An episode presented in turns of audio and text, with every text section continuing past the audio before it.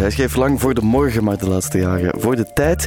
En in 2016 werd hij door de Stichting Verhalende Journalistiek in Nederland uitgeroepen tot meesterverteller. Spits de oren kinderen, want op eh, deze internationale dag van de radio, jawel dat is vandaag, is meesterverteller Rick van Puinbroek te gast bij à la carte. Ik heb hem heel hoog gelegd, eh, die lat, ik besef het ook. À la carte. Met Robbe Petitjean en Robert Esselings. Rick van Puinbroek, eh, 51 jaar human interest eh, journalist bij De Tijd. Eh, Inderdaad, vroeger eerst bij Belang van Limburg en bij De Morgen. Kreeg vorig jaar voor de tweede keer de titel van meesterverteller. De Nederlandse Publieksprijs voor Verhalende Journalistiek. Een hele eer, zeg je zelf. In het Absoluut, vakblad De Journalist. En terecht, want goede journalistiek gaat altijd over een goed verhaal en over mensen. Absoluut over mensen, zeker en vast. Ik, ehm, ik denk dat het dat goede verhalen best bijblijven als je ze begint te vertellen vanaf, eh, vanuit het standpunt van een mens. En daar zijn voorbeelden genoeg van. Hè. Er zijn ook veel boeken die. eh, ik neem altijd het voorbeeld van Oorlog en Terpentijn van Stefan Hertmans, die het verhaal vertelt van zijn grootvader.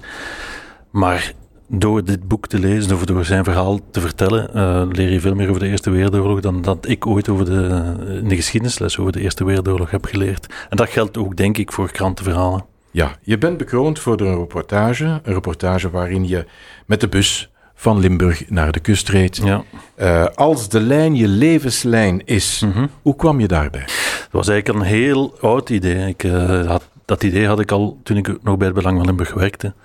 En ik dacht, ehm, ja, door die bussen te nemen, door die lijnbussen, en echt alleen maar met de bus van de lijn te, eh, te rijden, ga je één, niet van stad naar stad, maar ga je ook door, de, door het platteland en ga je met heel veel mensen eh, kunnen praten die je eigenlijk anders misschien niet ziet of waar je niet veel contact mee hebt. En het kwam erbij dat net op het moment dat ik, dat ik daaraan dacht, eh, nu twee jaar terug dan, de lijn is al eigenlijk elke dag in het nieuws. En er worden eh, plannen gemaakt om haltes af te schaffen, omdat er niet veel mensen meer opstappen. Maar natuurlijk, voor die drie mensen die op die lijn per dag aanst- eh, opstappen, is het wel een belangrijke halte. Ja. En dus ben ik eh, de bus opgestapt in Jeuk, een klein dorpje in Limburg. en anderhalve dag later was ik aan de kust in Nieuwpoort. En heb ik met heel veel mensen gepraat. ehm, en de titel kwam eigenlijk al schrijvend. Eh, dat was nog niet eens, dat zat niet zo in mijn hoofd natuurlijk. Terwijl ik het aan het schrijven bleek, of merkte ik dat voor al die mensen die lijn of die bus ook wel het contact was eh, vanuit een dorp met een stadje of met het ziekenhuis of met. En neem die, neem die weg, dan valt dat contact vaak weg. Want veel mensen, niet iedereen heeft een auto. Niet, zeker niet iedereen heeft een bedrijfswagen. En zo ehm, ja, ontstond dat verhaal. En ehm, En dat is veel volk opgevallen en je kreeg meteen voor de tweede keer die fameuze prijs. Meesterverteller in de Nederlandse journalistiek. Ja, we zijn er allemaal jaloers op, maar eh, terecht, want ik had het verhaal ook toevallig gelezen. En ik dacht, potverdorie, die heeft er ook zijn tijd in gestoken. Ja. eh, maar het was een mooi verhaal. Dank van wel. Rick van Puinbroek, eh, journalist bij De Tijd. Inderdaad, elke week een fotomoment op zaterdag. Ehm, kies jij die foto zelf? ik kies die foto zelf, ja. En daar schrijf je een tekstje bij. Ja, eh, soms duurt het heel lang voor ik de foto gevonden heb. Uren, soms is het heel snel, maar ehm, de foto kiezen of het de foto selecteren is, is, het, langst, is het langste werk. Het stukje erbij schrijven gaat soms heel snel, Eh, Ja. vaak heel snel zelfs. Ja, en wat moet er op de foto staan? Moet een mooie foto zijn. Eh, en ik probeer wel af te wisselen. Als ik bijvoorbeeld vorige week had ik een foto van een ijsbeer, dan zal ik deze week geen andere foto van een dier nemen. Maar voor de rest moet het eigenlijk gewoon een foto, een mooie foto zijn, of een foto die mij in ieder geval aanspreekt. En dan schrijf ik daar wel iets bij. En soms heeft het echt heel, eh, sluit de tekst heel nauw aan bij de foto, maar soms ook helemaal niet. Eh, het is Ja. gewoon een foto die moet mij aanspreken, die ik mooi moet vinden en die inspireert. Ja. Het voorbije jaar heb ik eh, twee foto's gezien, twee fotomomenten, die mij geweldig zijn bijgebleven. Het eerste was op eh, 4 januari. Daarop is een jonge jongen te zien die onschuldig met balletjes speelt. Je schreef er het gedicht bij Zo, een verwijzing naar de verdwijning van Frederik van Klooster, die pas zanderendaags op 5 januari in het kanaal van Vilvoorde werd aangetroffen. Ik ga het even le- lezen of een stukje ervan, Ja, om erin te komen. Zo, zo, zomaar. Zo stapte hij de avond in. Zoals altijd zei je, voorzichtig jongen. Zeker, zei hij, geen zorgen. Zo, zomaar. Zingend en zoenend ging hij het nieuwe jaar in. Zag je die jongen zo zonder zorgen, zo groot? Zorg je dat je thuis komt? Ja, dat is eigenlijk iets om bij stil te worden. Hebben ze jou gevraagd dat gedicht te schrijven of was dat een eigen idee? Helemaal niet. Het was een eigen idee. En het kwam ook uh, heel spontaan. Ik was um, die foto aan het zoeken. En ik vond die foto van die jongen, die ik wel mooi vond. En, en komt uit Afghanistan, heeft helemaal niks te maken met, met wat er hier toen gebeurd is. Uh, maar door die foto te zien, een, een onschuldige spelende jongen. Ja, ik heb zelf twee kinderen van 22 en 19. Um, automatisch, uh, dit was in het nieuws. Dat, dat wordt, je wordt natuurlijk ook beïnvloed wat, door wat er die dagen in het nieuws is. En ik ben dat, daaraan begonnen. Het, het heeft mij 20 minuten gekost om dat stukje te schrijven. En automatisch ging dat stukje over, zonder zijn naam te noemen, zon, over, over die verdwijning, toch over die, de bezorgdheden die je hebt als, als ouder wanneer zoiets zou kunnen gebeuren. Of telkens als jouw kinderen, 22 en 19, die je vrijlaat, die je de wereld instuurt, waar dat je blij bent dat ze de wereld ontdekken, maar toch, ja, iedereen zal het kennen, uh, hoop je dat alles goed gaat en dat, dat, dat ze terugkomen, dat, alles, dat ze veilig terugkomen ja, daarom werd ik daar zeker en vast door geraakt. En, en toen kwam dat stukje eruit uh, dat eigenlijk niks met die foto te maken heeft. Ja, het is uh, toen ook uh, op vele plekken opnieuw mm -hmm. getweet en zo. Mm -hmm. Het heeft ook vele mensen geraakt. Ja, het zat er meteen op. Ja, het is overweldigend geweest. die, die zaterdag is dat verschenen. Toen kreeg ik al wat reacties.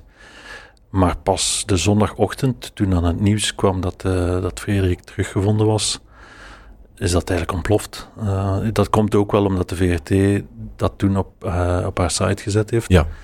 Dat is overgenomen. Dat is blijkbaar heel vaak uh, gedeeld op allerlei sociale media. Het was ook de zoon van twee VRT-journalisten. Voilà. Anders zou het waarschijnlijk ook nooit op de site van de VRT terechtgekomen zijn. Dat weet ik ook. Ehm, en het was mij zeker niet te doen om, om, om een soort effect de vader van Frederik heeft mij de zaterdagavond ook gebeld en gevraagd van kijk, um, heb jij dat geschreven uh, met Frederik in gedachten? En dat was voor ze hem teruggevonden hadden. Ja. Ik heb dat ook gezegd dat dat zo was en ik voelde me daar misschien een beetje uh, gegeneerd bij, omdat ik dacht van misschien vinden die mensen dat wel niet fijn. Maar dat was niet zo, die waren daar heel blij mee uh, met dat stukje en hebben toen ook zelf gevraagd van mogen we daar nadien nog iets mee doen? En ik zei meteen van kijk, dit is jullie uh, stukje. Je bent vrij om dat te gebruiken. Het is, ja, het is eigenlijk uh, het is een eigen leven gaan leiden. Het is uh, ongelooflijk geweest. En het is een stuk in bijna 30 jaar als journalist waar ik het allermeeste reactie op gekregen heb. En wat mij dan tegelijk ook een beetje een vervelend gevoel gaf soms. Want ja, ik heb het echt, zoals ik zei daarnet, letterlijk op 20 minuten geschreven. Dat is er heel snel uitgekomen. Het woord gedicht is daarop geplakt. Ik vond dat ook een beetje lastig, omdat zeker naar mensen die zelf uh, gedichten schrijven. Ik ben niet iemand die uh, met poëzie bezig of die het zelf kan. Ik uh, ken mijn, mijn sterktes wel, maar ik weet ook dat.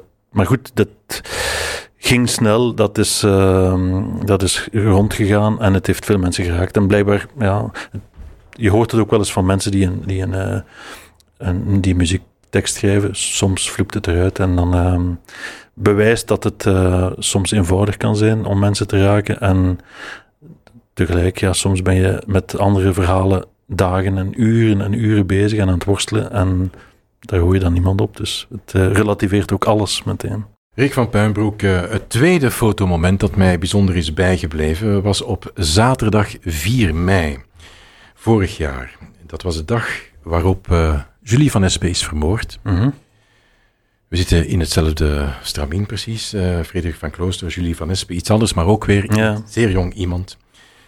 Uh, maar toen wisten we nog niet dat Julie uh, zou worden gevonden op maandag, twee mm -hmm. dagen later. Ze was toen eigenlijk gewoon vermist en je schreef toen een stukje onder de titel Altijd nog een kind. Ik ga alleen het, het einde lezen mm -hmm. om er ook terug even in te komen. Laat ze maar de wereld ontdekken, laat ze los. Maar laat ze niet vergeten dat je maar een paar telefoontoetsen weg bent. En dat je hen komt halen in Leuven of in Kiewit, desnoods in Abidjan. Ik moet zeggen, uh, jij hebt twee dochters, ik heb er ook twee, Mhm. mm -hmm. uh, van ongeveer dezelfde leeftijd, 1922. De mijne zijn 23 en 24. Ehm, het gaat altijd over die onrust van de ouder, de bezorgdheid Mhm. van de ouder. Ik denk niet dat je zo'n dingen kan schrijven als je geen kinderen hebt, of vergis ik mij?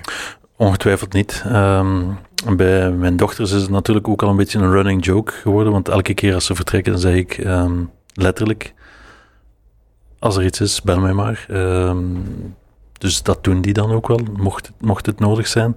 Nee, ik denk het niet. Ik denk dat het, eh, maar dat is het cliché natuurlijk ook wel, dat, dat, je, dat je niet kan weten wat het, wat het is om ouder te zijn. eh, als je het niet bent. En dat weet je pas eh, op het moment dat jouw kinderen geboren zijn. Maar vanaf dan is het zover. En vanaf dan heb je, heb je het eerste kind een Achillespees bij en een tweede kind eh, twee Achillespezen bij. En dat is ook zo, ja. En ik denk niet dat die bezorgdheid weggaat, ondanks wat ik daarnet ook al zei. Het feit dat je ze de wereld instuurt en dat je heel blij bent dat ze, dat ze ontdekken. Mijn dochter heeft drie maanden in Parijs gezeten. Eh andere dochter vertrekt zo meteen, echt letterlijk deze namiddag voor een paar dagen naar Amsterdam met een vriendin. En laat ze maar gaan. Ja. Maar zelfs als ze in Amsterdam zit, eh, ben ik wel blij eh, dat ze altijd weet van, mocht er iets zijn, mag ze mij bellen. Eh, mag ik papa bellen, eh, Ja. ik zal het zo zeggen. En dat ze een sms'je kan Ja, sturen voilà. Mhm. eh, ter geruststelling. Je zegt ook uitdrukkelijk ergens, ik denk in het vakblad van de journalist, eh, ik ben wel geen nieuwsjournalist, maar eigenlijk heeft dat met actualiteit toch veel te maken, telkens? Het heeft met actualiteit te maken, maar ik ben absoluut geen nieuwsjournalist. Ik heb, denk ik, en ik durf dat met in alle eerlijkheid zeggen, ik denk dat ik in die 30 jaar dat ik dit doe, maar één keer de kop van de krant geschreven heb. En dat is dan nog een, een, eh, een heel anekdotisch verhaal. Maar ehm, ik voel het niet zo. Ik ben er ook niet mee bezig om, om primeurs te hebben. Aan de andere kant eh, ga je wel, wel vaak met het nieuws aan de slag. En dat is ook bijvoorbeeld deze week letterlijk zo. Er stond eh, dinsdag, denk ik, in de krant of maandag, dat er eh, in, in België elke week twee bakkers verdwijnen. Ja. En daar ben ik nu mee bezig voor een verhaal dat zaterdag gaat verschijnen. Je haakt in op de actualiteit en je, of je vindt in de actualiteit nieuwe verhalen. Ook daarnaast natuurlijk, er zijn ook verhalen die losstaan van elke actualiteit. En bijvoorbeeld de lijn was daar ook een, voor- een voorbeeld van. Dat kun je, ik heb dat tien jaar geleden al voor de eerste keer gepitcht, om het dan maar zo te zeggen. Dus je kan, ik, ik eh, zoek natuurlijk naar onderwerpen die mij intrigeren. Die soms echt heel ver van de actualiteit staan, maar binnen de actualiteit vind ik, ja, komt er elke dag wel iets, iets gepasseerd waarvan je denkt, ja, daar kunnen we wel iets mee doen. Of eh, elke week op zijn minst. Ja, het leuke is ook eh, in de tijd, om het zo te zeggen, dat het eh, kan in zo'n zakenkrant. Absoluut, ja. Dergelijke verhalen, want je hebt nog een aantal collega's, Henk Dedenen, die Mhm. ook altijd zo van dat soort Ja. verhalen schrijft. Mhm. nog andere. Ehm, ja, die mix van, van het zakelijke, Mhm. het, het snelle nieuws ook en jouw soort van nieuws. Is dat de reden van het succes? Van de, van de krant, denk ik wel, ja. Eh, en men heeft dat ook goed eh, ingezien. Men waakt heel erg over, we zijn een zakenkrant en we zijn geen eh, algemene krant. Natuurlijk staat er heel veel politiek nieuws in. Er staat ook, staat ook soms sportgerelateerd nieuws in, maar er staan geen sportuitslagen in. Zelf ben ik daar, ehm, ik ga niet zeggen een buitenbeentje, maar ik ben nooit een zakenjournalist geweest, nooit met economie, met geld, met investeringen bezig geweest. Eh, en toen ze mij vroegen om voor de tijd te werken, zei ik dat natuurlijk ook van ja, eh, ik ben niet dat soort journalist. Maar daarvoor belden ze mij ook, omdat ze, ze zeiden van ja, daar hebben we er heel veel van en we willen dat heel erg belangrijk eh, vinden, dat dat blijft. Maar we willen ook graag iets extra. Het is niet of-of, het is en-en. En eh, daarom prijs ik me heel gelukkig dat ik daar kan werken, dat ik daar mag werken en dat ik die, dat soort verhalen kan blijven schrijven. Het fotomoment is er ook een voorbeeld van. Uiteindelijk heeft dat niks te maken met de- wat men dan de core business van de tijd noemt. Maar het is gewoon iets surplus eh, dat in het weekend. En de, dat verhaal dat ik nu zaterdag ga brengen, is daar ook een voorbeeld van. à la carte.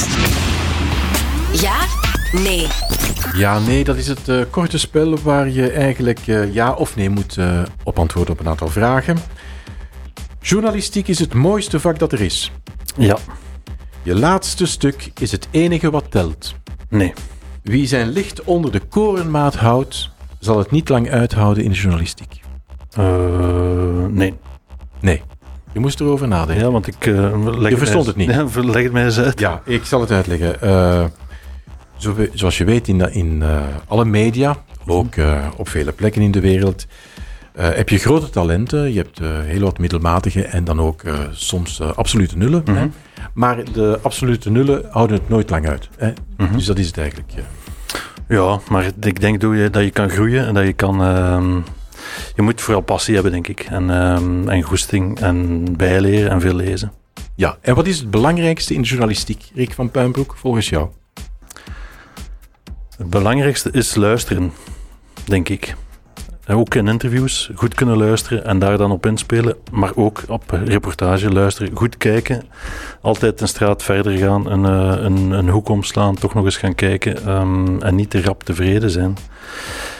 Uh, en geluk hebben. Je moet ook af en toe heel veel geluk hebben. Zeker als je op reportage bent. Uh, en buiten zijn. En buiten zijn, absoluut. Want uh, het werkt niet aan de telefoon, vind ik. Eigenlijk, nu mag je uh, aan onze alle, alle jonge journalisten uh, de goede raad geven. Um, wat is voor hen het belangrijkste dat ze in het oog moeten houden in de toekomst? Ik denk dat het um, een open blik is, sowieso. Een goesting. En toch ook heel veel dat hangt er vanaf welk soort journalistiek dat je wil doen natuurlijk, of dat je nu voor radio of televisie wilt doen, maar bijvoorbeeld schrijven, de pers. Ik heb heel veel geleerd, denk ik, door zelf veel te lezen. Uh, niet alleen ja, boeken natuurlijk ook, maar ook uh, andere verhalen van andere journalisten. En op een bepaald moment krijg je toch, um, voel je een stem of voel je um, een stijl, een soort journalistiek die, die jou aantrekt, die jou uh, inspireert. En daar heb ik heel veel van geleerd. Een uh, eigen kleur. Ja, en je moet, of je moet toch op zijn minst proberen in wat je doet, jouw eigen stem te hebben, je eigen sterkte uit te spelen. Uh, ik ben geen nieuwsjournalist, dat wist ik heel snel. Dus ik uh, moest dat ook niet proberen. er zijn andere mensen, zeker ook bij ons in de krant, maar in alle media, die echt een hele grote nieuwsneus hebben ja, die daar heel goed in zijn. En een krant is en-en, wat ik daarnet ook al zei. Uh, met alleen mijn soort verhalen verkoop je geen kranten. Met alleen nieuws uh, zal je het misschien ook niet meer doen. Dus ik denk dat je, dat je, dat je moet openstellen, en zeker jonge journalisten, dat die dat moeten proberen van, van te kijken en, en, en zich niet te beperken meteen tot, tot één bepaald soort uh, verhalen, maar en dan ontdekken wat, wat hen het beste ligt. Ja, kijken, buiten komen en niet uh, aan de telefoon blijven. Ik weet niet hoeveel jonge journalisten er toevallig aan het luisteren zijn, maar hey. à la carte. Op de plank. Ja, Rick van Pijnbroek, uh, er is een vraag binnen van een zekere Frank Butsaert uit Laken. En die vraagt, uh, in de beperking toont zich de meester, de beschränkung zeigt zich den Meister. Is less more in het vak van de schrijvende journalistiek? Als ik nu ja zou zeggen, dan gaan mijn collega's die meeluisteren allemaal met mij lachen, want ik ben degene die vaakst vraagt om een, wat meer ruimte te krijgen. Gisteren had ik nog aan de hand dat mijn, mijn chef mij belde en ik dacht, oei, die gaat nu bellen om te zeggen dat mijn stuk toch korter moet zijn. Dus uh, het klopt waarschijnlijk wel, maar uh, ik vind ook nog altijd dat er plaats moet zijn voor uh, grotere verhalen en lange verhalen. En sommige verhalen hebben dat ook echt nodig. Het, wat ik nu bezig ben in verband met die, met die bakkers. Als ik dat op een kleine ruimte moet schrijven, ga ik niet veel meer kunnen doen dan wat eigenlijk al geweten. Dus ik heb, ben ook wel iemand die graag een langere aanloop neemt. Maar het fotomoment, of dat wat voor u ligt, bewijst soms dat het wel inderdaad klopt. Dat je niet altijd heel veel moet schrijven dat, om, om, om iets zinnigs te zeggen. Maar ja, in mijn geval, ik durf niet zeggen dat Les more is, want ik, uh, ik bezondig mezelf er nogal vaak aan. Ja, nu zaterdag is er een nieuw fotomoment. Ja. Uh, welke foto heb je gekozen? Mogen we het weten? Ik heb hem hier bij mij liggen, maar dat ziet niemand natuurlijk. Maar nee. ik, uh, het is een foto van een, van een van de twee vrouwen die Harvey Weinstein hebben aangeklaagd in New ah, York. Ja. Uh, het is een heel eenvoudige foto, een portret. Uh, ze heet Mimi Halei, denk ik. Ik heb het net, deze, net voor ik naar hier kwam, heb ik een stukje geschreven. Um, Wat is de boodschap? Jouw uh, boodschap? Het valt mij op, het is geen actrice. Het, is dus, het was zijn productieassistente. En ik heb eigenlijk vooral geschreven over, haar, over, over die foto. Voor de blik. Uh, het is niet iemand die de, die de camera aantrekt zoals de meeste actrices wel doen, zoals je op de, op de Oscar-uitreiking ziet. Zij heeft eerst jarenlang niks gezegd, gezwegen, het schrik om, uh, ja, om niet geloofd te worden, om uit uh, de Verenigde Staten gezet te worden. Nu heeft ze wel de openbaarheid gekozen om dat proces te doen. En wordt ze natuurlijk omstuurd door de camera's. En dan zie je wat de camera doet met iemand die dat niet gewoon is, maar die toch voor, zich, voor zichzelf is opgekomen. Dus we gaan nu afwachten wat de uitslag van het proces is. Maar um, dat is eigenlijk een beetje het verhaal dat in, die, uh, in dat stukje zal zitten. Rick van Puinbroek, bedankt voor dit gesprek. Met veel plezier. Ik ga de tijd eens kopen zaterdag. En die, die kleine cijfertjes die ga ik niet lezen, maar ik ga naar de foto kijken. Dat onthoud ik.